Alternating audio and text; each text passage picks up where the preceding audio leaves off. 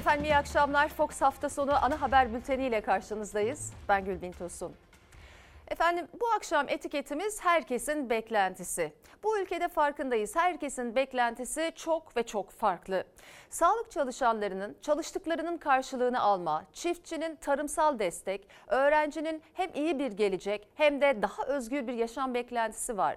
Sadece bu kesimlerle de sınırlı değil elbette beklentiler. Sizler de herkesin beklentisi etiketiyle bize yazabilirsiniz diyelim ve Cumhurbaşkanı Erdoğan'ın saatler önce 10 büyükelçi kriziyle ilgili yaptığı çok önemli açıklamayla başlayalım bültene. 10 Büyükelçinin Osman Kavala için yaptığı derhal serbest bırakılsın çağrısı istenmeyen adam ilan edilme sürecine gidiyor. Cumhurbaşkanı Erdoğan Büyükelçileri istenmeyen adam ilan etme talimatını verdiğini açıkladı.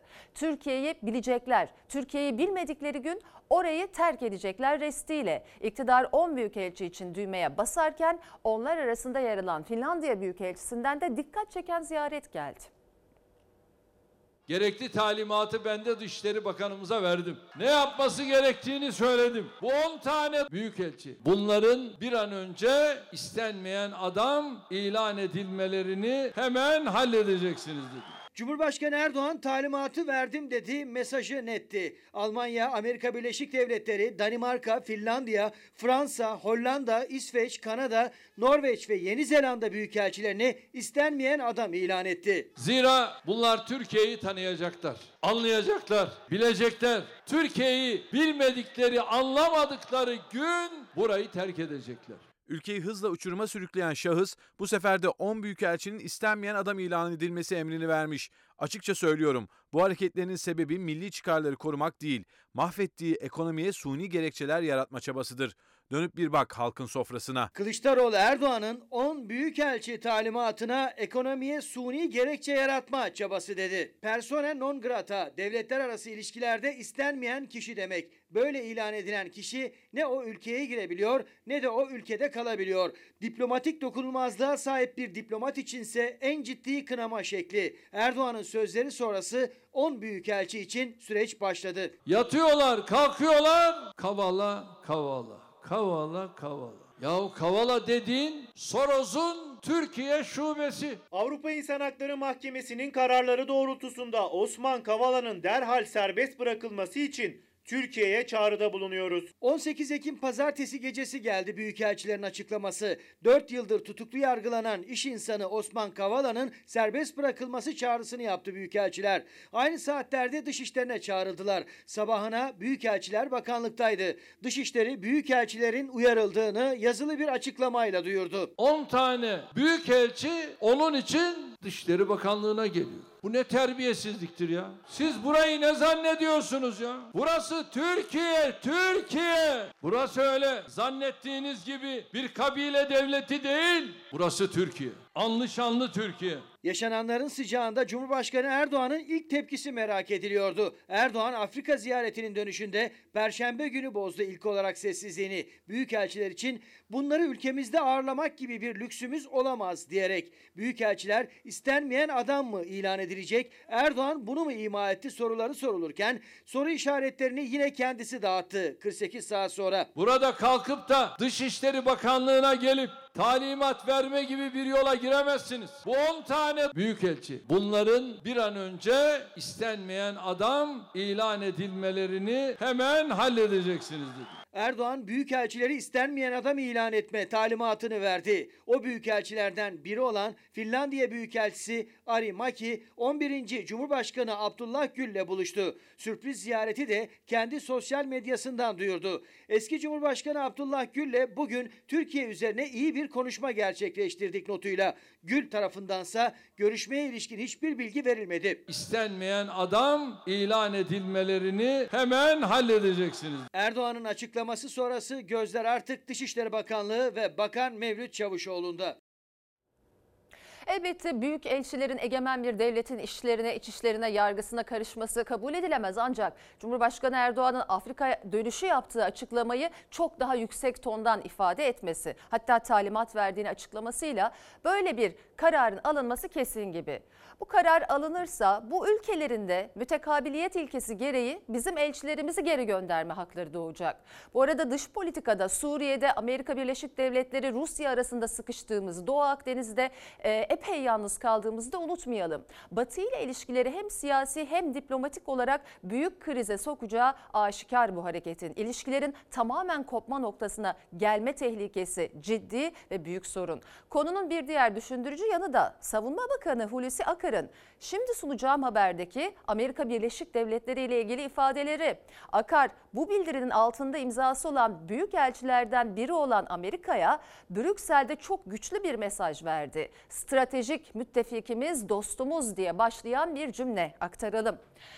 Efendim Türkiye Amerika Birleşik Devletleri arasındaki F-35 krizinde yeni gelişmeler yaşanıyor. Türkiye uçaklar için yaptığı ödeme karşılığı F-16 tedarik etme hazırlığında. NATO toplantısı için gittiği Brüksel'de Amerikalı mevkidaşıyla görüşen Milli Savunma Bakanı Akar teknik çalışmaların başladığını açıkladı. Bizim elimizdeki F-16'ların yenilenmesi lazım. NATO içindeyiz ve dolayısıyla bize tedarik çalışmasını batıdan başlıyoruz. Türkiye hava gücünü yenilemek için düğmeye bastı. Hulusi Akar, Amerika ile teknik çalışmaların başladığını açıkladı. Türkiye Rusya'dan S-400 hava savunma sistemi almasının ardından üretici ortağı olduğu F-35 programından çıkarıldı. Bugüne kadar 1 milyar 400 milyon dolar ödeme yapan Ankara, üretilen 6 F-35'i ise teslim alamadı. Amerika uçakları kendi hava filosuna kattı. Biz 1 milyar 400 milyon dolarımızı öyle veya böyle alacağız. Roma'da Biden'la biz de bunu tabii konuşacağız. Ne yapıyoruz, ne oluyor diye soracağız. Cumhurbaşkanı Erdoğan, Türk ve Amerika savunma bakanlarının F-16 alımı konusunda görüşmelere başladığını söylerken, Bakan Akar NATO toplantıları için Brüksel'deydi. Mevkidaşlarıyla ikili görüşmeler yaptı. Bunlardan biri de Amerika Savunma Bakanı Austin'di. Birçok ihtiyacımızı artık yerli olarak karşılayacak durumdayız. Fakat bunun dışında karşılamamız gereken ihtiyaçlarımız var. Akar, Türkiye'nin elindeki F-16'ların yenilenmesi gerektiğini söyledi. Amerika'dan tedarik çalışmalarına başlandığını anlattı. Stratejik müttefikimiz, dostumuz Amerika Birleşik Devletleri'nden hem F-16 tedariki hem de elimizdeki bazı uçakların modernize edilmesi için teknik çalışma başlatıldı. Süreci takip ediyoruz. Türkiye'nin güçlenmesi aynı zamanda NATO savunmasının güçlenmesi anlamına geliyor. Türkiye'nin F-35 için yaptığı ödeme karşılığı F-16 alma hamlesi bazı Amerikalı senatörleri rahatsız etti. Kongrenin 3 üyesi Dışişleri Bakanı Blinken'a mektup yazdı. Türkiye'ye F-16 satılmamasını ve mevcut olanların modernizasyonunun yapılmamasını istedi. Bunun kağıtsa yaptırımları konusunda şüphe yaratacağını öne sürdü. Türkiye'nin Rusya'dan aldığı S-400'ler Brüksel'deki NATO Savunma Bakanları toplantısında da gündeme geldi. NATO Genel Sekreteri Stoltenberg, savunma tedariklerinin ülkelerin kendi kararı olduğunu vurguladı. İttifak için önemli olan onların NATO ile birlikte çalışabilir olmasıdır. S-400 bir Rus sistemi ve NATO'nun hava ve füze savunma sistemlerine entegre edebileceğimiz bir şey değil. Stoltenberg, toplantıda Türkiye için alternatif sistemler bulma çabalarının konuşulduğunu da söyledi. Detay vermedi, çabalar devam edecek dedi. Siyaset hafta sonu dinlemedi. Erdoğan ve Kılıçdaroğlu'nun sert düellosuna sahne oldu. Kılıçdaroğlu Aydın Kuşadası'ndan, Erdoğan Eskişehir'den ses yükseltti. Kılıçdaroğlu'nun bürokrat ve memurlara uyarısı üzerinden başlayan polemik, Erdoğan'ın kılınıza bile dokunamazlar restiyle alevlendi. Ya sen kimsin de benim memurumu, polisimi tehdit ediyorsun? Sen kimsin de alnının akıyla kariyer almış memuru tehdide yelteniyorsun? Siz Erdoğan ailesinin değil bu devletin şerefli memurlarısınız dedim. Mafyatik ilişkilere girenler onları tehdit mi ediyorsun diyorlarsa Evet onları tehdit ediyorum. CHP lideri Kılıçdaroğlu'nun bürokrat ve memurlara kanun dışı iş yapmayın uyarısıyla başlayan polemikte Cumhurbaşkanı Erdoğan'dan bu oyuna gelmeyin kılınıza dokunamazlar çıkışı geldi. Kılıçdaroğlu geçtiğimiz hafta başına kadar süre vermiş uyarı tonlamasını sertleştirmişti. Bütün kamu görevlilerine sesleniyorum. Görevinizi millet adına yapınız. Mafyatik ilişkilere sizi zorlarlarsa bu kardeşinize haber vereceksiniz. Oraya geleceğim ve onların başına çökeceğim. Ben de buradan milletimin memuruna sesleniyorum.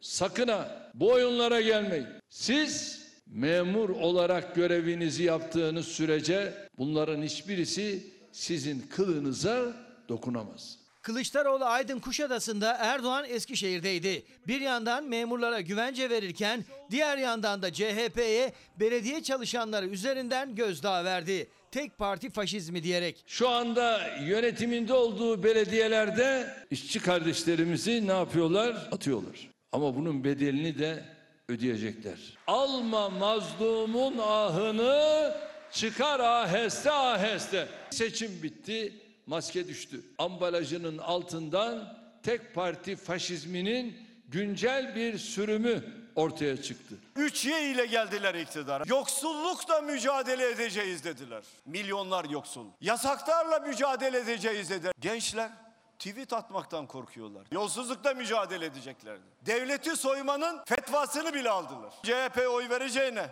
kurtlu buğdayı ye. Sultanın sofrasına oturan alimin fetvası geçersizdir. Kılıçdaroğlu 3Y ile geldiler deyip yoksulluk, yasaklar ve yolsuzluklar üzerinden 3Y tablosunu ortaya koydu ve ekledi. 3Z ile gideceksiniz dedi. Erdoğan'dan Demirtaş resti geldi. Bay Kemal selo aşağı, selo yukarı diyor. Beraber yürüyorlar. Beraber yatıp kalkıyorlar. Şimdi kalktılar. Onu içeriden nasıl çıkarırız bunun gayreti içerisindeler. Yargı ne diyorsa o. Çıkaramayacaksınız. Zorbalık, zulüm ve zam yağmuru 3Y ile geldiler. 3Z ile inşallah bunları göndereceğiz. Gönderenlerin başında da Z kuşağı gelecek. Geliyor gelmekte olan. Liderlerin hafta sonu mesaisi karşılıklı meydan okumalarla sert geçti.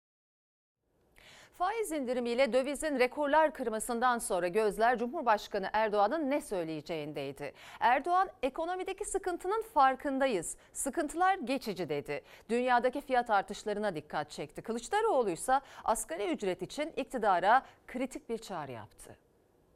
2825 lira asgari ücret. Açlık sınırı 3049 lira. Hükümete açık ve net bir çağrı yapıyorum. Asgari ücreti süratle açlık sınırı seviyesine bari çıkar. Bari bir ayıptan kendini kurtar. Ya bu ana muhalefet CHP. Bunların nesi var? Yaptıkları hangi eser var? Yok. Bunlardan bol bol nasihat dinlersiniz. Ben ekonomistim diyor. Görüyoruz. Sonuçlar gerçekten müthiş. Direksiyona geçti. Bütün bir ülke kelle koltukta gidiyoruz ya.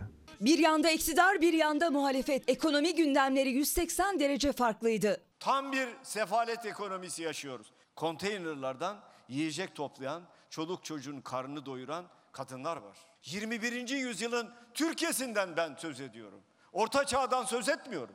Pazar artıklarından geçinen binlerce aile var. Türkiye'yi faiz, kuz, enflasyon kıskacından kurtarmanın yolunun yatırımları teşvik edecek, üretimi artıracak, istihdamı güçlendirecek, ihracatı teşvik edecek dört ayak üzerinde yükseltmekten geçtiğine inanıyoruz. Yetkiyi verin faizde, enflasyonda nasıl düşer göreceksiniz dediniz değil mi? 3 yıl 4 aydır hem enflasyon sürekli artıyor hem de faizler sürekli artıyor. Artık yeter. İnanın yeter. Dünyanın en büyük 10 ekonomisinden biri olma hedefimize eninde sonunda muhakkak ulaşacağız. 5 yıldır çözemediler. 10 yıldır çözemediler. 15 yıldır çözemediler. 20 yıldır çözemediler.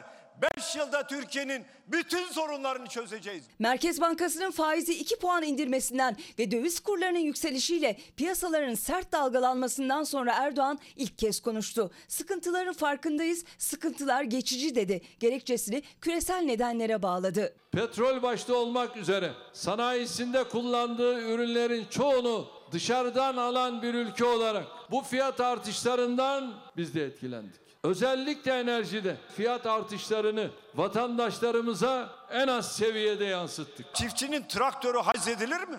Dünyada böyle bir uygulama var mı? Ama zorbalığı, zulmü ilke edinenler bunu yapabilirler. Adı zaten asgari ücret. Nesini vergiliyorsun bunu?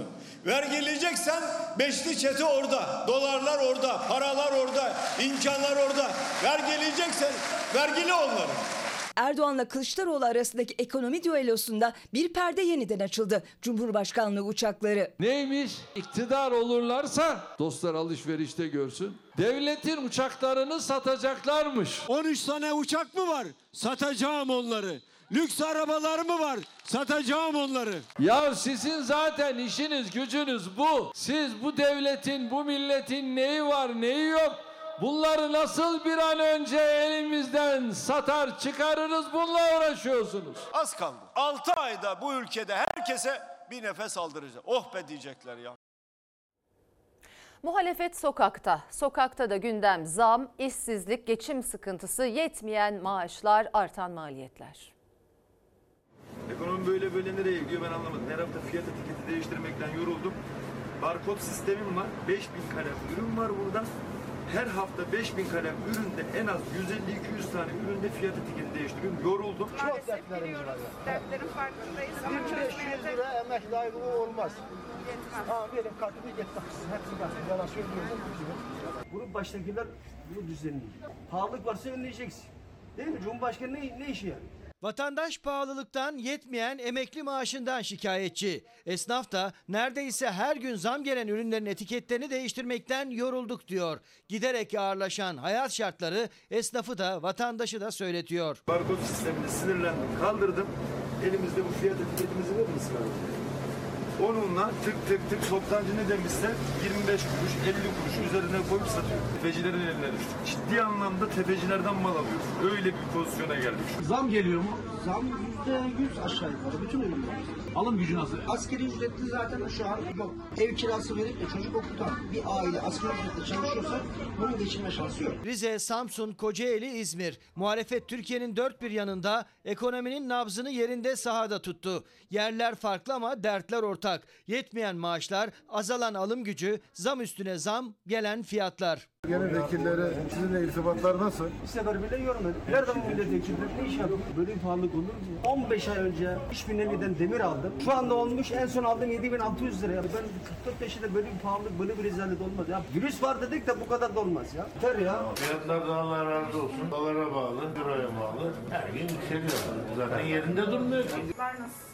Yani, Yani her değişikliği. hafta şöyle mesela geçen hafta gittiğim atıyorum şu gömleği 50 liraya aldığımda bu hafta 60 önümüzdeki hafta zamlı satın diyorlar çünkü 65 oldu.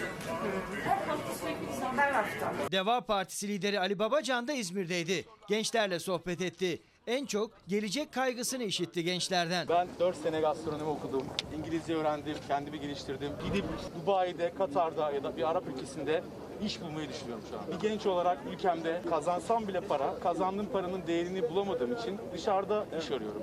Önemli olan çalışmak, üretmek. Türkiye'de imkan varsa Türkiye'de. Dışarıda bir imkan bulursan dışarıda da olabilir. Türkiye'nin bu haline bakma çok düzelir yani. Seçim olur, iktidar değişir olur. Düzgün işler yapmaya başlayınca çok çabuk düzelir. Efendim Ekrem Bey demiş ki herkesin beklentisi rahat huzurlu bir yaşam ama enflasyon düşünmekten, vergilerimi düşünmekten, zamları düşünmekten, doların yükselişini düşünmekten beklenti bile bırakmadılar. Derya Bey de diyor ki herkesin beklentisi memuru, işçiyi ve esnafı vergi yükünden kurtaralım. Her şey vergi olmuş. Damla ver, damga vergisi, gelir vergisi, gider vergisi, geçici vergi, kurumlar vergisi, işçi vergisi, esnaf ödüyor. Yine vergisi devam ediyor. Esnaf kepenk kapatmasın. Sayın seyirciler gıda ürünlerine gelen zamlarla mücadele ediyor tüketiciler. Sivas'ta bir market açılışı özel ayçiçek yağında yaklaşık 10 liralık indirim yapınca izdiham ve metrelerce kuyruk oluştu.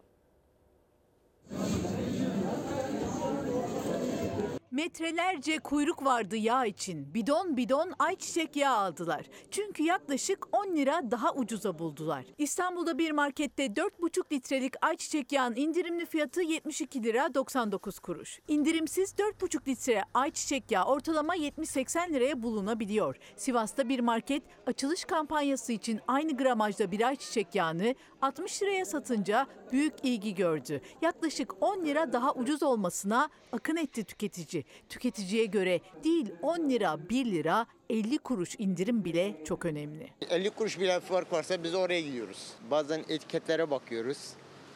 Etiketler çok pahalı olduğu zaman almıyoruz işin doğrusu. Elimizden gelene kadar pazara gidiyoruz. Ama pazarda da yani pahalı yani çok pahalı. Nerede ucuzsa oraya gidiyor tüketici. Temel gıda ürünlerinde artışla mücadelenin yollarını arıyor. Kuruşluk farklar için market market geziyor. Çünkü alım gücü günden güne eriyor. Nerede kampanya var, nerede daha ucuz satılıyor. Yeri geldi 5 marketten 5 farklı ürün, e, her yerden farklı farklı. Gezmek zorunda kalıyoruz bir alışveriş yapmak için. Bunlar tabii manav ürünleri, çıkma ürünler.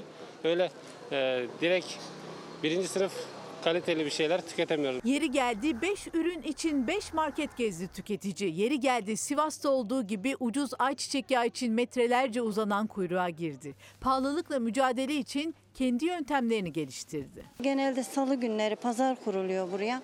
Pazar günleri biraz daha marketler e, halk günü yapıyorlar.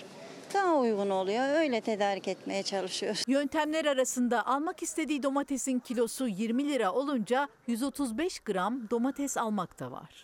Şöyle çeri domatesi aldım. Bunun ağırlığı ne kadardı?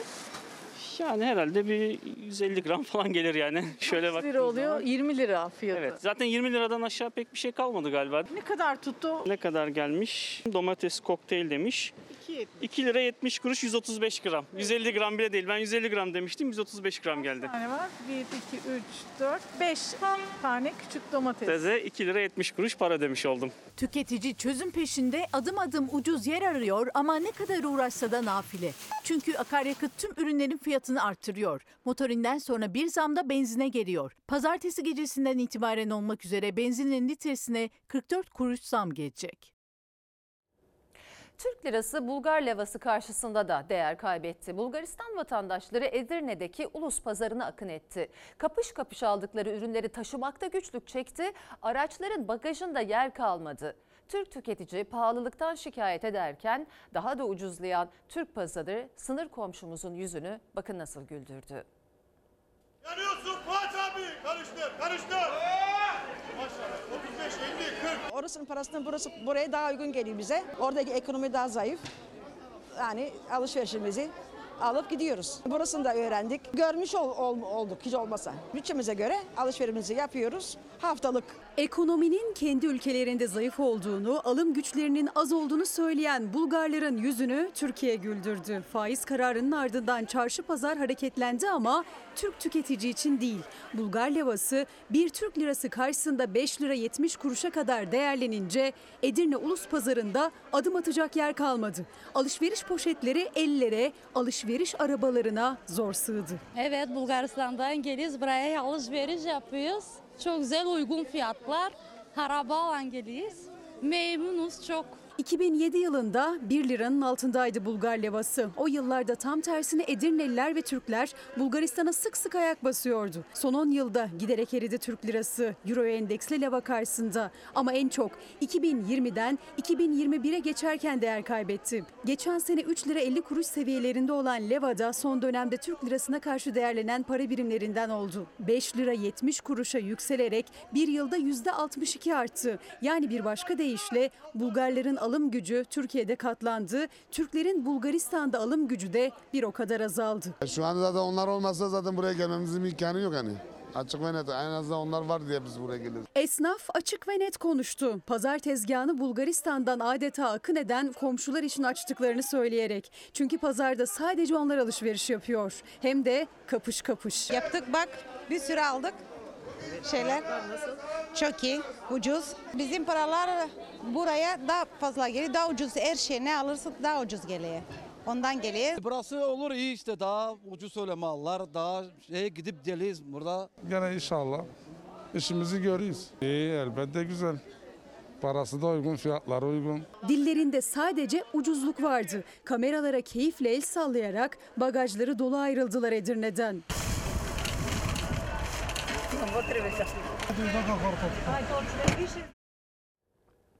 Çözüm makamındaki Tarım Bakanı Bekir Pakdemirli şu anki sistemi eleştirerek sözleşmeli tarıma geçilmesi gerektiğini söyledi. Uzmanlar sözleşmeli tarımın zaten şu anda da uygulandığını ancak sözleşmenin sadece kağıt üzerinde kaldığını vurguladı. Yani sorun işlemeyen sistemde, sistemi işletmeyen yöneticilerde. Bizim çiftçimiz, üreticimiz ekerken, dikerken ektiğinin diktiğinin kaç paraya satacağını bilmiyor. Yani bir nevi aslında harman zamanı için bir iddia oynanıyor. O yüzden hızlı bir şekilde sözleşme üretime geçmemiz lazım. Bir Tarım Bakanı'nın bunu söylemesi açıkçası çok yadırgatıcı bir durum. Yani çiftçi iddia oynar gibi önünü göremiyorsa bunda sorumluluk çiftçinin ya da başka kesimlerin değil doğrudan Tarım Bakanlığı'nın. Sözleşmeli üretim diyoruz işte önünü göremiyor diyoruz. İşte 2021 ürünlerinin destekleri henüz açıklanmadı. Bunları bakanlık yapacak zaten. Sorunu çözecek olan Tarım Bakanı sistemi eleştirdi. Sözleşmeli tarım önerdi. Uzmanlar tepki gösterdi. Sorumlusu sizsiniz dedi. Çiftçinin sırtındaki yük her geçen gün artarken, zarar büyürken bakandan gelen bu öneri samimi ve yeterli bulunmadı. Harman zamanı için bir iddia oynanıyor. Aslında şeker pancarı, tütün gibi belirli ürünlerde zaten sözleşmeli üretim yapılıyor. Benzer uygulama bir yıl önce domates üretiminde de oldu. Ama domates üreticisiyle sanayici arasında yapılan sözleşme sadece kağıt üzerinde kaldı. Çiftçi ile sanayici arasında sözleşme yapılmıştı ve bu sözleşme gereği de e, bir fiyat yazılmıştı zaten sözleşmeye. Ama e, domates üretimi arttı ve e, hiç kimse bu sözleşmeye uymadı. Yani hukuksal bir takım sıkıntılar var. Yani sözleşmeye uyulmadığı zaman bunun bir yaptırımı yok. Sözleşmeli üretim çiftçinin de sanayicinin de alım garantisi ama kağıt üzerinde kalmazsa alım garantisi olmayan ürünü üretici satamayınca elinde kalıyor. Çiftçi sözleşme sayesinde ise ürünümü satabilir miyim endişesi yaşamıyor. Daha tarlaya ekmeden hasat döneminde elindeki ürünün ne kadarını satacağını biliyor. Diyelim ki salça üreticisi e, bunu çiftçilerle bir sözleşme yapıyor. Diyor ki ben e, bu yıl senden işte e, şu kadar domates satın alacağım. E, bu bir sözleşme hazırlanıyor. Buraya fiyat da yazılıyor. Diyelim ki 50 kuruştan alınacak diye sözleşmeye yazılıyor. Fakat hasat dönemi geldiğinde domates üretimi çok fazla olduğu zaman diyelim ki fiyat piyasada 30 kuruşa düştü. O zaman sanayici diyor ki ya piyasada 30 kuruşa domates varken ben niye 50 kuruşa alayım deyip bu sözleşmeye uymuyor. Bazen de tam tersi oluyor. Tarım yazarı Ali Ekber Yıldırım'a göre sözleşmeli üretim tek başına bir çözüm değil. Çünkü şu anki haliyle ne çiftçinin yararına ne de sanayicinin. Yasal düzenleme ile ilgili henüz atılmış hiçbir adım yok. Burada hukuki olarak bunun düzenlenmesi gerekiyor. Bunun bir yaptırımının olması gerekiyor. Bakanlığın yaptığı en büyük yanlışlık bu zaten. Yani tek bir noktaya odaklanıp biz onu yaparsak bütün sorunları çözeriz. Böyle değil. Murat Bey diyor ki Tarım Bakanı bile sistemi eleştiriyorsa herkesin beklentisini artık siz düşünün. Bir izleyicimiz de herkesin beklentisi etiketiyle mazot, tohum, gübre maliyetleriyle çiftçi buğday ekemez ve üretemez. O zaman düşünün ki un da olmaz yiyecek yemekte. Ürününe alıcı bulmakta zorlanan, bulsa da ağır maliyetleri ödemekte güçlük çeken çiftçi çare arayışında Sakarya'da bahçelerinden, ağaçlarından meyvelerini topladıktan sonra bir de esnaflık yapmaya başladı üretici. Kasa kasa meyve sebzeyi taze taze tüketiciyle buluşturuyorlar. Tüccara hangi fiyattan vereceklerse müşteriye de o fiyattan satıyorlar. Allah'ın verdiği cesaretle, güçle ayakta duruyoruz. Yani biz üretmek için doğmuşuz. Üretim aşkıyla yanıyoruz. E, tüke- şartlar çok kötü. Şimdi biz bunu mu hak ediyoruz? Bir çiftçi çocuğu nasıl yetişiyor? 23 yaşında benim kızım ziraat mühendisliği okuyor. Ben toprağımı seviyorum, çalışmayı da seviyorum. Çocuklarımızı da bu şekilde yetiştirmeye devletimiz için çalışıyoruz, mücadele veriyoruz. Ben aynı zamanda ziraat teknikeriyim. Uludağ Üniversitesi'nde okudum. Sırf niye okudum? Daha bilinçli bir çiftçilik yapayım diye. Toprağına aşık, üretim için varını yoğunu ortaya koyan, evladına da toprağın okulunu okutan, daha bilinçli ve daha kazançlı tarım yapmak isteyen binlerce çiftçi aile darda, sıkıntıda. Dalından taşan bereketi alıcı bulamayınca üretici pazarında bir de esnaflık yaparak çare arar oldu. Yani bahçede çalıştıktan sonra bir de buraya satmaya Tabii tabii tabii. Her gün getiriyorum ben günlük topluyorum buraya getiriyorum bu ürünleri. Burada işte tüketiciyle buluşturuyoruz. Siz bunu üretiyorsunuz. Evet, üretiyoruz. E, tüccara verseydiniz kaç liraya verecek? Tüccara verseydik kaç para? 3-3,5 lira arasına veriyoruz tüccara zaten şu an. E biz burada da şu an o fiyata veriyoruz zaten. Halka da o paraya veriyoruz. Vatandaş bunu 3,5 liraya buradan gelip alabilir. Evet evet kesinlikle gelip alabilir. Markete gitse vatandaş. Markete gitse 10 milyon 12 milyondan başlıyor. Mersin'de 22 lira duy- olduğunu duyduk ayvanın. Şok olduk. Biz burada şu ayvaya bakın ya. Şu ayvayı 5 lira diyoruz yani. Bize burasını Pamukova Belediyesi tahsil etti. Burada e, bir mücadele ediyoruz. Bir şeylerin olmasını istiyoruz. Sabah kaçta geliyorsunuz? Sabah 8'de buradayız. Akşam kaça kadar? Akşam 6, 7. O ara- Bitiyor mu bütün bu kasap? Evet bitiyor. Bitiyor hatta yeniden, yeniden gidip kesiyoruz, getiriyoruz. Taze taze. Evet taze taze sürekli taze. Bağda üzüm dalından koparılıyor, sonra direkt kasaya konup müşteriye satışa sunuluyor. İstanbul Eskişehir Karayolu üzerindeki Karapınar üretici hali çiftçi için nefes aldıracak bir çözüm. Ama onların kazanabilmek için kesin çözümlere ihtiyaçları var. Yaramız çok derin. Çok sıkıntı yaşıyoruz. 300 milyon aldığımız gözdaşı diye bir ilaç var. Şu an 700-800 milyon değerine çıktı. Gübreye gelen zam, mozotlara gelen zam zaten her gün bir zam geliyor artık. Ya bu üretici ne yapsın? Ülkemiz gün gün kan kaybediyor tarım konusunda. Şimdi bizim köy 30 hane bu demek oluyor ki 30 tane fabrika demek oluyor.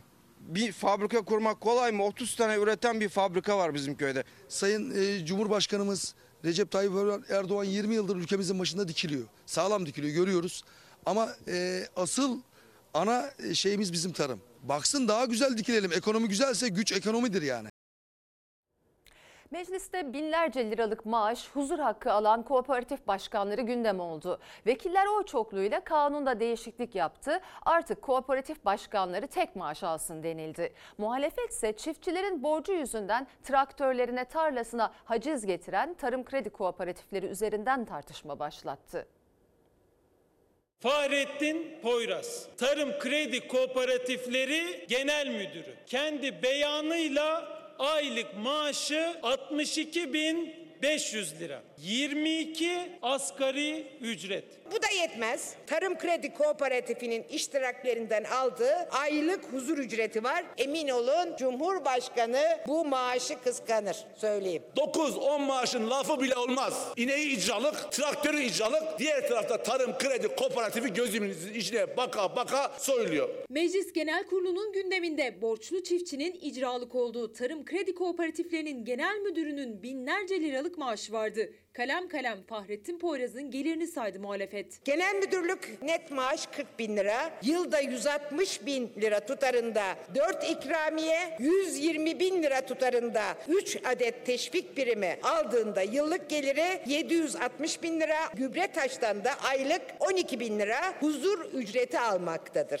Tarım Kredi Kooperatifleri Genel Müdürü Fahrettin Poyraz'ın geliri kooperatifler kanununda değişiklik yapılması kooperatiflerin gelir giderlerinin daha iyi incelenmesi tartışılırken gündeme geldi. Muhalefet vekilleri Poyraz'ın aylık maaşı 62 bin lira ama bir de huzur hakkı var dedi. Gübre taşın İran'daki iştiraki 8 bin euro aylık aldığında 80 bin lira da buradan gelmektedir. Yani bu genel müdür aylık geliri yaklaşık 162 bin lirayı bulmaktadır. Bir de milletvekili emekli maaşını düşündüğümüzde 180 bine yaklaşmaktadır.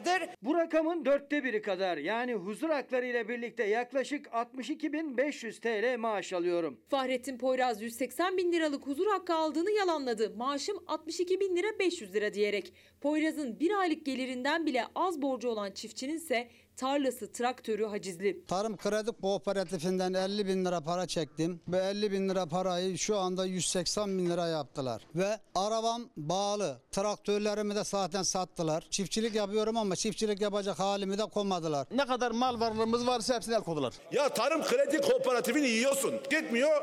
Gidiyorsun İran'daki firmadan maaş alıyorsun. O da yetmiyor.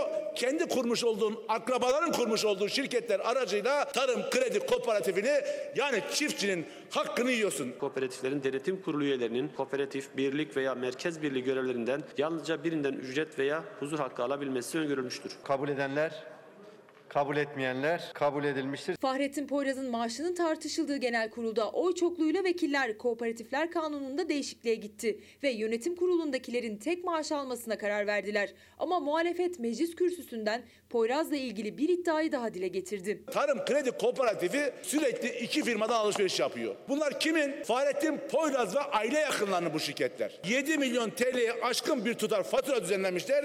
Nasıl açıktan bu kadar ahlaksızlık yapılır? Bunu da vicdanınıza bırakıyorum. Pandeminin en başından beri en çok yorulan, canı pahasına çalışan bu yüzden de iktidardan muhalefete, vatandaşlara, herkesin alkışladığı sağlık çalışanları kahraman ilan edildiler ama onlar da hepimiz gibi birer insan. Yani yemek, içmek, barınmak gibi temel ihtiyaçları var ve bunları karşılaş, karşılamakta çok zorlanıyorlar. Aylık bordrolarını sıkıntılarının belgesi.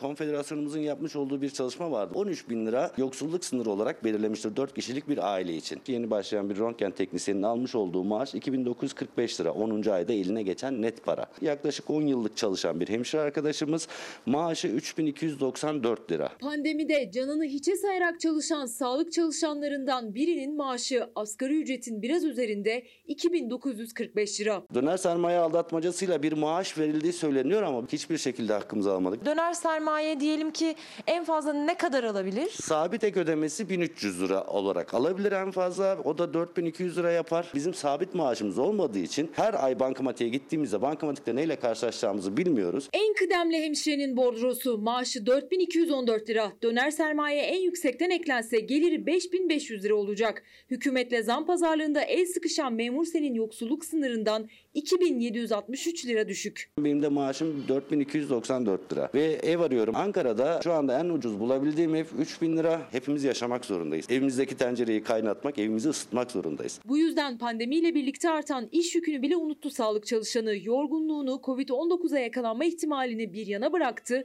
geçim derdine düştü. Ellerindeki geliri getiremediklerinden, evlerinin günlük giderlerini karşılayamadığı için şu anda 130 saat fazla mesai yapan sağlık çalışanları mevcut. Hekim arkadaşlarımızın da bugün bodrolarında çok düşük maaşlar almakta. Yeni başlayan bir doktor maaşı yaklaşık 6 bin lira, döner sermaye ile 8 bine çıkıyor. Nöbet parasıyla geçinmeye çalışan personel arkadaşlarımız var. 2004 yılında devlette çalışmaya başladım. İlk maaşım 960 liraydı. Çeyrek altın 32 liraydı. Benim elime geçen yaklaşık 31-32 tane çeyrek altın demekti. Bugün maaşım 4200 lira. Döner sermayemde koyduğumda 6000 lira elime geçen çeyrek altın karşılığı bunun 7-8. 2004'teki halim gibi yaşayabilmek için 22 çeyrek altına daha ihtiyacım var. Genel Sağlık İş Sendikası Genel Sekreteri aynı zamanda bir sağlık çalışanı Gazi Çeliker. Artan enflasyonla maaşı zamlansa da gelirinin nasıl eridiğini de anlattı. İki yıldır hükümetten vatandaşa alkışlarla kutlanan sağlık çalışanlarının nasıl borçla yaşadığını da. Günlük yaşamlarını sürdürebilmek için dörtte üçü borçlanıyor. Ya bankalara ya eşine dostuna. Bakanımız bize sahip çıkmıyor bu konuyla ilgili. Maliye Bakanlığı'nın bir herhangi bir açıklaması yok. Bizim çalıştırdığımız ücretleri görmezden geliyorlar.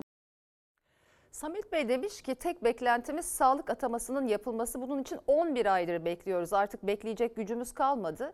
Bir diğer izleyicimiz de yine 11 aydır beklediklerini e, söylüyor ama e, geçinemeyeceğimizi bilsek de bir açıklama bekliyoruz diyor. Bir izleyicimiz de insanlar İşsiz, sosyal güvencesiz, devlet genç deyip emekli etmiyor, özel sektör yaşlı deyip iş vermiyor. Her e, insanlar bir dilim kuru ekmeğe muhtaç.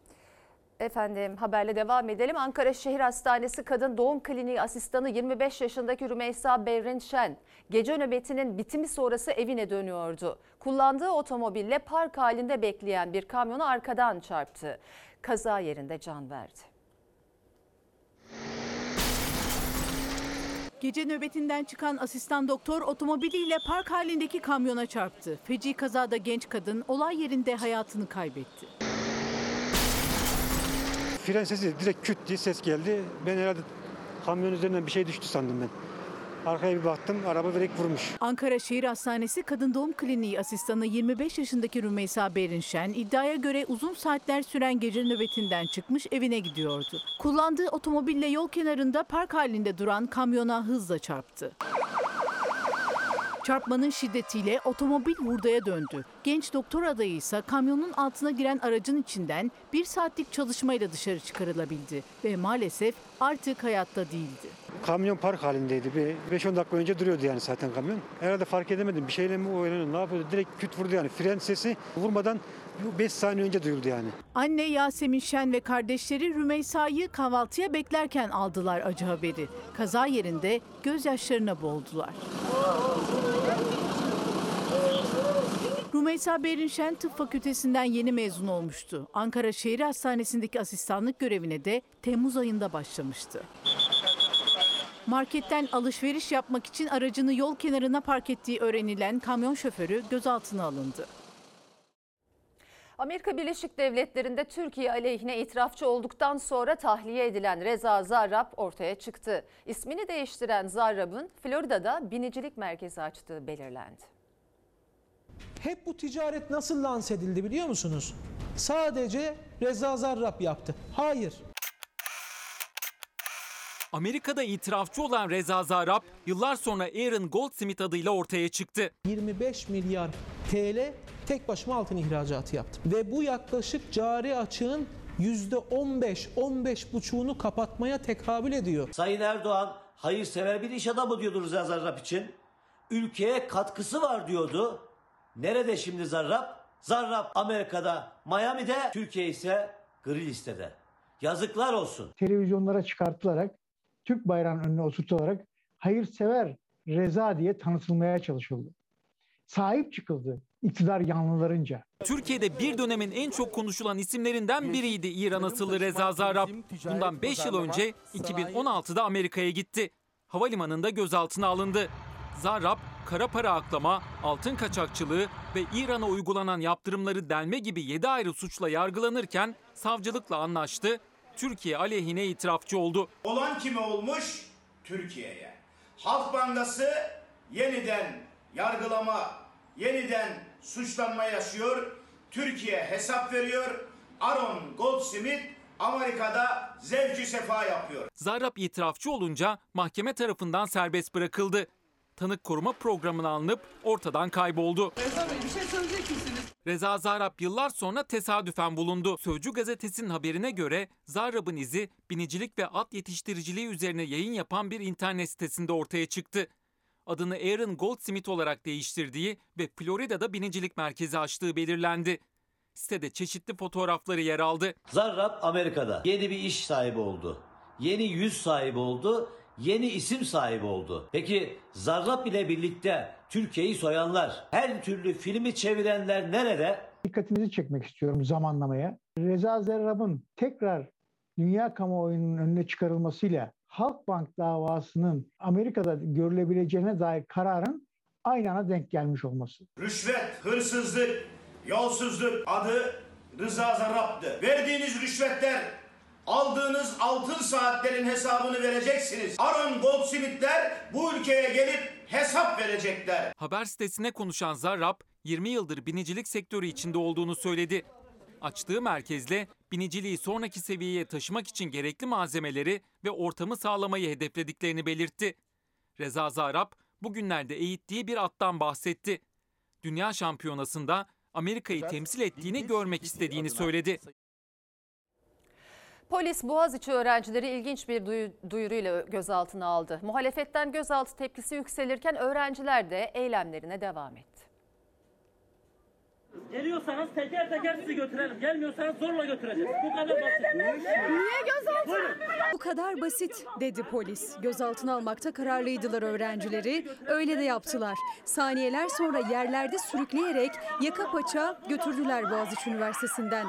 45 öğrenci gözaltına alındı. Muhalefet bu görüntülere saldırı dedi. İçişleri Bakanı'nı sert bir dille eleştirdi. Boğaziçi Üniversitesi'nde bu ülkenin geleceği en başarılı öğrencilerine yönelen saldırıları lanetliyorum. Başta Suç İşleri Bakanı Soylu olmak üzere bu yasa dışı emirleri verenlerden hesap soracağız. Ey Soylu bu gençlere ettiklerini burnundan fitil fitil getirmezsem namerdim. Bundan, bundan, bundan, bundan. Boğaziçi Üniversitesi'nde Profesör Doktor Melih Bulu'nun rektör olarak atanmasıyla başlayan protestolar Bulu'nun görevden alınıp yerine Profesör Doktor Naci İnci'nin atanmasının ardından da devam ediyor. Yeni öğretim yılı da başladı ama akademisyenlerin ve öğrencilerin rektörlük önündeki nöbeti sürüyor. Ancak güvenlik rektörlük talimatıyla Güney Kampüs'teki öğrenci çadırlarını kaldırmak istedi. Tansiyon tekrar yükseldi. Polisin kampüse girmesiyle arbede gözaltılarla sonuçlandı. Polisin gözaltı duyurusu en dikkat çeken anlardan biri oldu. Geliyorsanız teker teker sizi götürelim. Gelmiyorsanız zorla götüreceğiz. Bu kadar basit. Niye gözaltı? Buyurun. Bundan, bundan, bundan, bundan.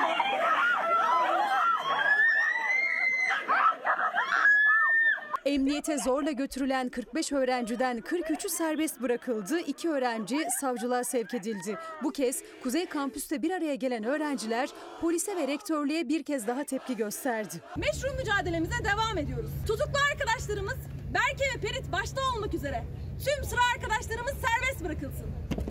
Naci İnci ve bütün kayyumlar derhal istifa etsin. Üniversitelerdeki polis ablukası derhal son bulsun. Boğaziçi Üniversitesi 2020 yılında dünyadaki 200 üniversitenin arasına girmiş bir üniversitemiz. Öğrencileri de Türkiye'nin göz bebeği pırıl pırıl gençler. Dün gençler e, biz de aktarmıştık polisin yüzüne anayasanın 34. maddesini okudu. Ne diyor o maddede? Herkes önceden izin almadan silahsız ve saldırısız toplantı ve gösteri yürüyüşü düzenleme hakkına sahiptir. Şimdi anayasal haklarını engelliyorsunuz. Sadece bu olay değil pek çok konuda hukuk devletinden uzaklaştığımızı görmek ne kadar üstse de öğrencilerin ve değerli hocaların Melih Bulu'nun Ocak ayında rektör olarak atanmasının ardından yani bu yılın başından beri anayasal sorumluluklarını yerine getiriyor. Anayasal haklarını kullanmaktan vazgeçmiyorlar. Kolluk kuvvetlerinden gördükleri kötü muameleye ters kelepçeye kadar dayanan orantısız güce rağmen cesaret ve kararlılıklarını takdirle izliyor, umut verici buluyorum.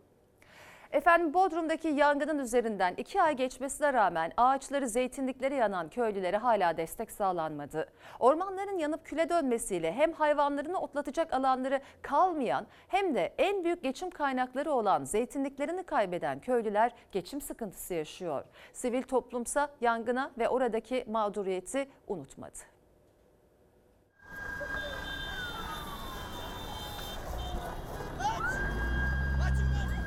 Dört bir tarafımız zeytinliklerimiz yandı. Onlara morallerimiz çok bozuldu. Mavi ile yeşilin buluştuğu koylar artık simsiyah. Orman yangınlarından geriye bu manzara kaldı. Ağustos ayında Ege'deki yangınlarda evleri ağaçları küle dönenler yaralarını hala saramadı. Başka geliriniz var Yok.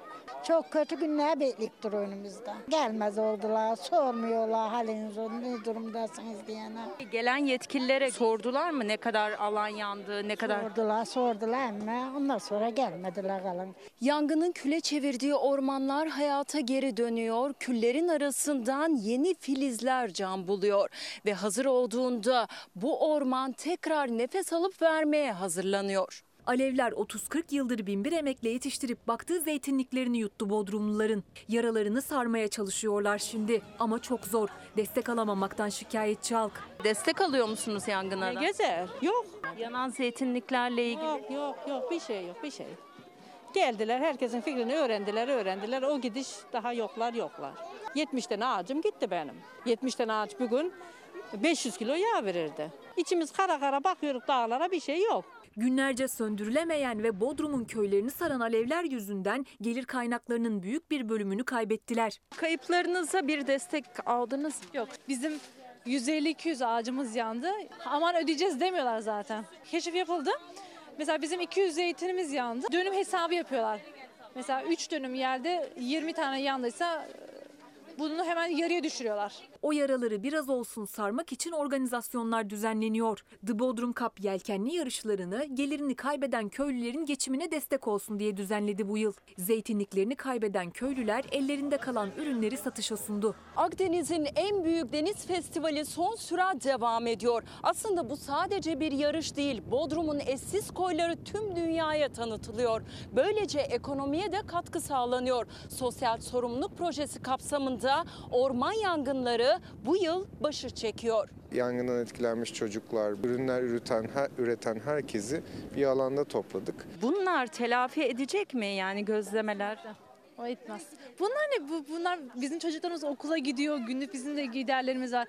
Ya burada kazandığımız en fazla bir hafta yani. Neler satıyorsunuz? Neler satıyoruz? Kendi yaptığımız kurabiyelerimiz var, lokmamız var.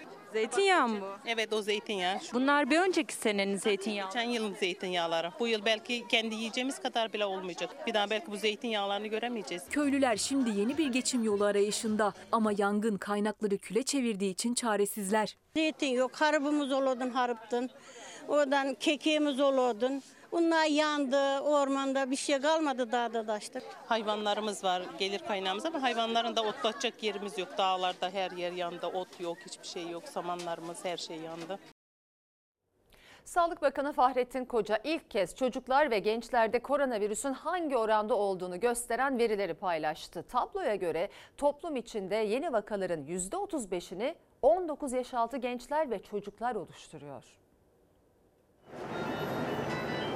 Sağlık Bakanlığı iyi bir şey yaptı. Böylece biz 19 yaş altında genç ve çocuklarda ne kadar olgumuz olduğunu öğrenmiş olduk. Şu anda genç nüfusun e, temel olarak e, ülkemizde hastalığı e, taşıdığını ve hasta olduğunu söyleyebiliriz. Salgının gençleri ve çocukları hangi oranda etkilediği Sağlık Bakanlığı tarafından ilk kez paylaşılan bu verilerle ortaya çıktı. Bakan Koca'nın açıklamasına göre son bir ayda 19 yaş altı nüfusun vakalar içindeki oranı %35'e ulaştı. Koronavirüsün en fazla görüldüğü yaş ortalaması ise %16 ile 10 ile 14 yaş arasında. 19 yaş ve altının vakalar içindeki oranı %35,42. Fakat virüs bu grupta genel olarak soruna yol açmıyor. Büyüklerimiz dikkatli olmalı. Ama buradaki temel nokta e, hastalığı yayabilecek grup içerisinde hastalığın oranının yüksek olması. Toplamda %35 e, diyoruz. E, buna biraz daha yukarıya doğru çıkıp üniversite gençliğini yani 22 yaşına kadarki üniversite gençliğini de veya 25 yaş altı desek sanırım bu oran %50'lere üzerine çıkacak belki de %60'larda olacak. Enfeksiyon hastalıkları uzmanı Bülent Ertuğrul'a göre şu anda hastalığı yayan grup genç nüfus. Bunun da nedeni genç nüfus arasında giderek artan aşı karşıtlığı. Gençler hastalığı hafif geçirse de ev içi bulaşla hastalığın yayılımını hızlandırıyorlar ve büyüklerini riske atıyorlar. Anneler ve babalar kendileri aşı olmalarına karşın işte bu aşı karşıtlığı nedeniyle çocuklarına aşı yaptırmaktan imtina ediyorlar. Halbuki e, şu anda 12 yaşın üzerinde güvenilir olduğunu biliyoruz zaten aşının. Ee, ve en son çalışmalar da 5 yaşına kadar da indiğini gösteriyor. Türkiye'de de aşılama yaşı riskli gruplardaki çocuklarda 12'ye kadar indi. Ancak ortaya çıkan bu manzara aşıya karşı ilginin az olduğunun göstergesi. Hastalık aşısızlar arasında hızla yayılıyor. Son 24 saatte 228 kişi daha hastalık yüzünden hayatını kaybetti. Yeni vaka sayısı ise 28.192. Uzmanlar toplumsal bağışıklığın bir an önce sağlanması için bir kez daha aşılamanın altını çiziyor. Şu anda gerçek bağışıklık oranımız %55'ler civarında, %60'lara doğru çıkıyor ama hala yeterli olmadığından dolayı e, temel bulaş aşısızlar ve son 24 saate ait Covid-19 tablosu arkamda verileri paylaşalım. Az önce açıklandı. Test sayısı 351.184, vaka sayısı 26.217. Düne göre baktığımızda biraz önce baktım. Test sayısında düşüş olduğunu da biliyorsunuz. Vaka sayısında da e, düşüş oluyor. Vefat sayısı ne yazık ki 217. Allah'tan rahmet diliyoruz. İyileşen sayısına bakalım. 27.663. E, bilime güvenelim. Biraz önce bilim insanlarını dinlediniz. 12 yaşa kadar zaten ülkemizde e, aşı izni çıktı. Hatta e, diğer ülkelerde yapılan çalışmalarda 5 yaşa kadar izin verildiğini açıkladı.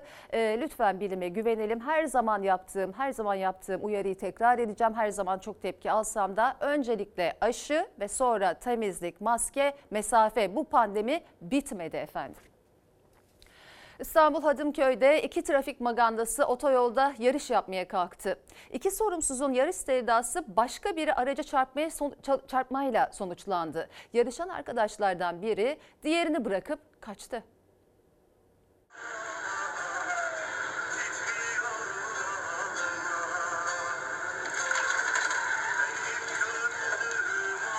Sorumsuzca girdikleri yarışta hem kendilerinin hem trafikteki diğer sürücülerin canını içe saydılar. Attıkları makasla kazaya sebep oldular. İstanbul Hadımköy'de yarış yapan iki arkadaş biri sağından biri solundan geçerek önlerinde giden aracı sıkıştırdı. Kaçınılmaz olan gerçekleşti. Araçlar birbirine girdi. O anlarsa bir başka araçtaki kamerayla görüntülendi.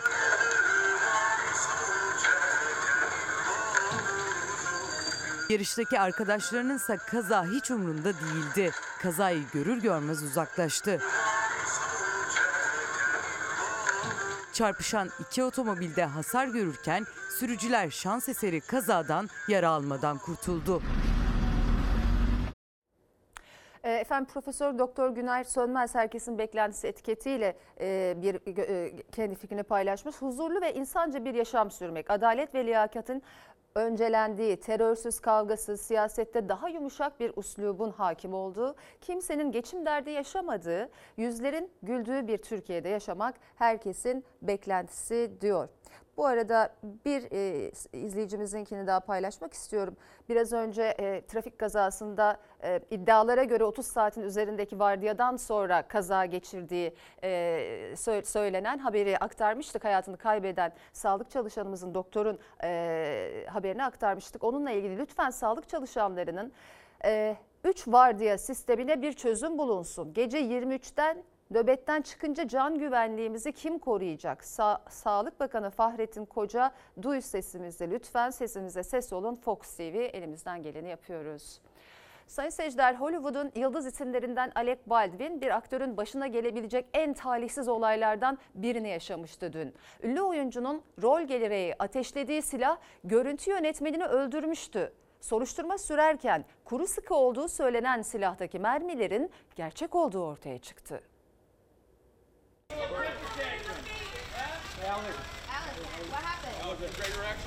Film setinde cinayette sır perdesi aralanıyor. Ünlü aktör Alec Baldwin'in kullandığı silahta gerçek mermi olduğu ortaya çıktı. Dünyanın konuştuğu olay Baldwin'in Rust isimli kovboy filminin çekimlerinde yaşandı. Ünlü oyuncu sahne gereği elindeki kuru sıkı silah ateşleyince filmin yönetmeniyle görüntü yönetmeni vuruldu. Hastaneye kaldırılan iki yaralıdan görüntü yönetmeni Haline Hutchins öldü. Olayın ardından Alec Baldwin polis merkezine gitti. İfadesinde silahı kendisine yardımcı yönetmenin verdiğini ve güvenli olduğunu söylediğini belirtti. Yapılan incelemede ise silahta gerçek mermi olduğu anlaşıldı. Yardımcı yönetmense ifadesinde silahın içinde gerçek mermi olduğunu bilmediğini söyledi. Polis 63 yaşındaki Baldwin'i serbest bırakırken olayla ilgili henüz kimse suçlanmadı. Ünlü aktör serbest kaldıktan sonra sosyal medyada açıklama yaptı. Üzüntümü ifade edecek kelime yok dedi. Hayatını kaybeden görüntü yönetmeninin eşiyle konuştuğunu ve her zaman ailenin yanında olacağını savundu. İstanbul'da evcil hayvan fuarı var. Kediden köpeğe, tavşandan kuşa evcil hayvanların ihtiyacı olan ürünler bu fuarda satılıyor. Son teknoloji çözümler de İstanbul'da hayvanseverleri bekliyor.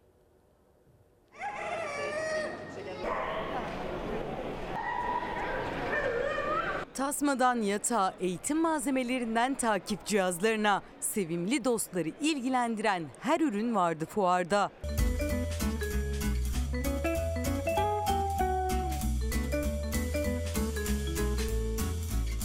Kediden köpeğe, kuşa hatta tavşana kadar birçok evcil hayvan için gerekli ürünlerin sergilendiği bir fuar İstanbul'da. Petzo fuarı İstanbul'da kapılarını araladı. egzama, uyuz, açık yara, alerji, e, aşırı tüy dökülmesi gibi problemleri tamamen tedavi eden bir tedavi destek ürünü olarak şu anda e, piyasada sunuluyor. Pet taksi uygulaması aslında can dostlarımızla birlikte e, seyahat eder- ederken e, tercih edilmesi mümkün olan bir uygulama. Veterinere giderken araç bulamayabiliyoruz. Aynı şekilde tatile giderken can dostlarımızı bir yere bırakamadığımız için bununla alakalı seyahate bir çözüm bulmak istedik. Sosyal medya üzerinden kullanılan uygulamayla evcil hayvan sahipleri il, ilçe hatta yurt dışı seyahatlerinde bile kendilerine tahsis edilen özel araçlarla can dostlarını yanlarında götürebiliyor. Üstelik tek başına da seyahat edebiliyor kedi ve köpekler yanlarına verilen bakıcıyla. Seyahat etmekten korkan ya da korkuları, gerginlikleri nedeniyle stres yaşayan evcil hayvanlar için de bir formül bulunmuş. Bu aslında bir ilaç, bir e, farklı bir kimyasal değil.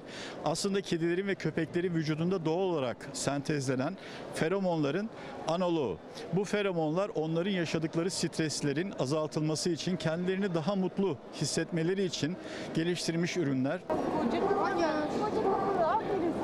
Bu cihaz e, GPS'li takip cihazı. E, konum belirten, ısı ölçen ve bunu raporlayan bir e, cihazımız var. Bu cihaz sayesinde evcil hayvanların sağlık durumlarının takibi de uzaktan yapılabiliyor.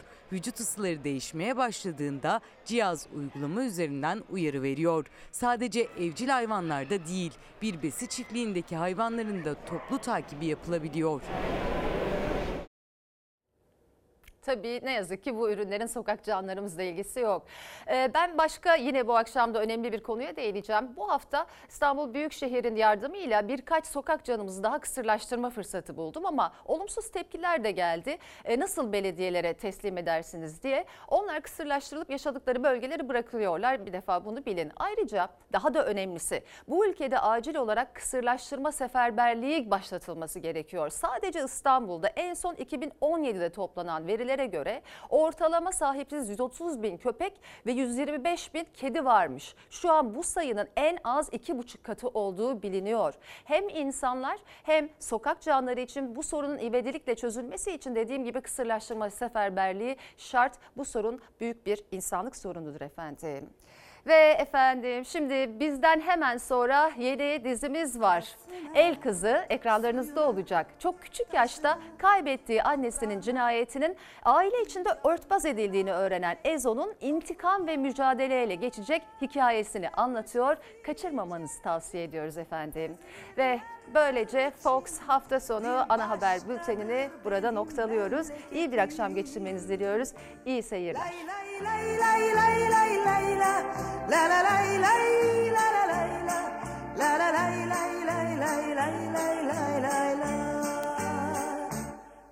Anadolu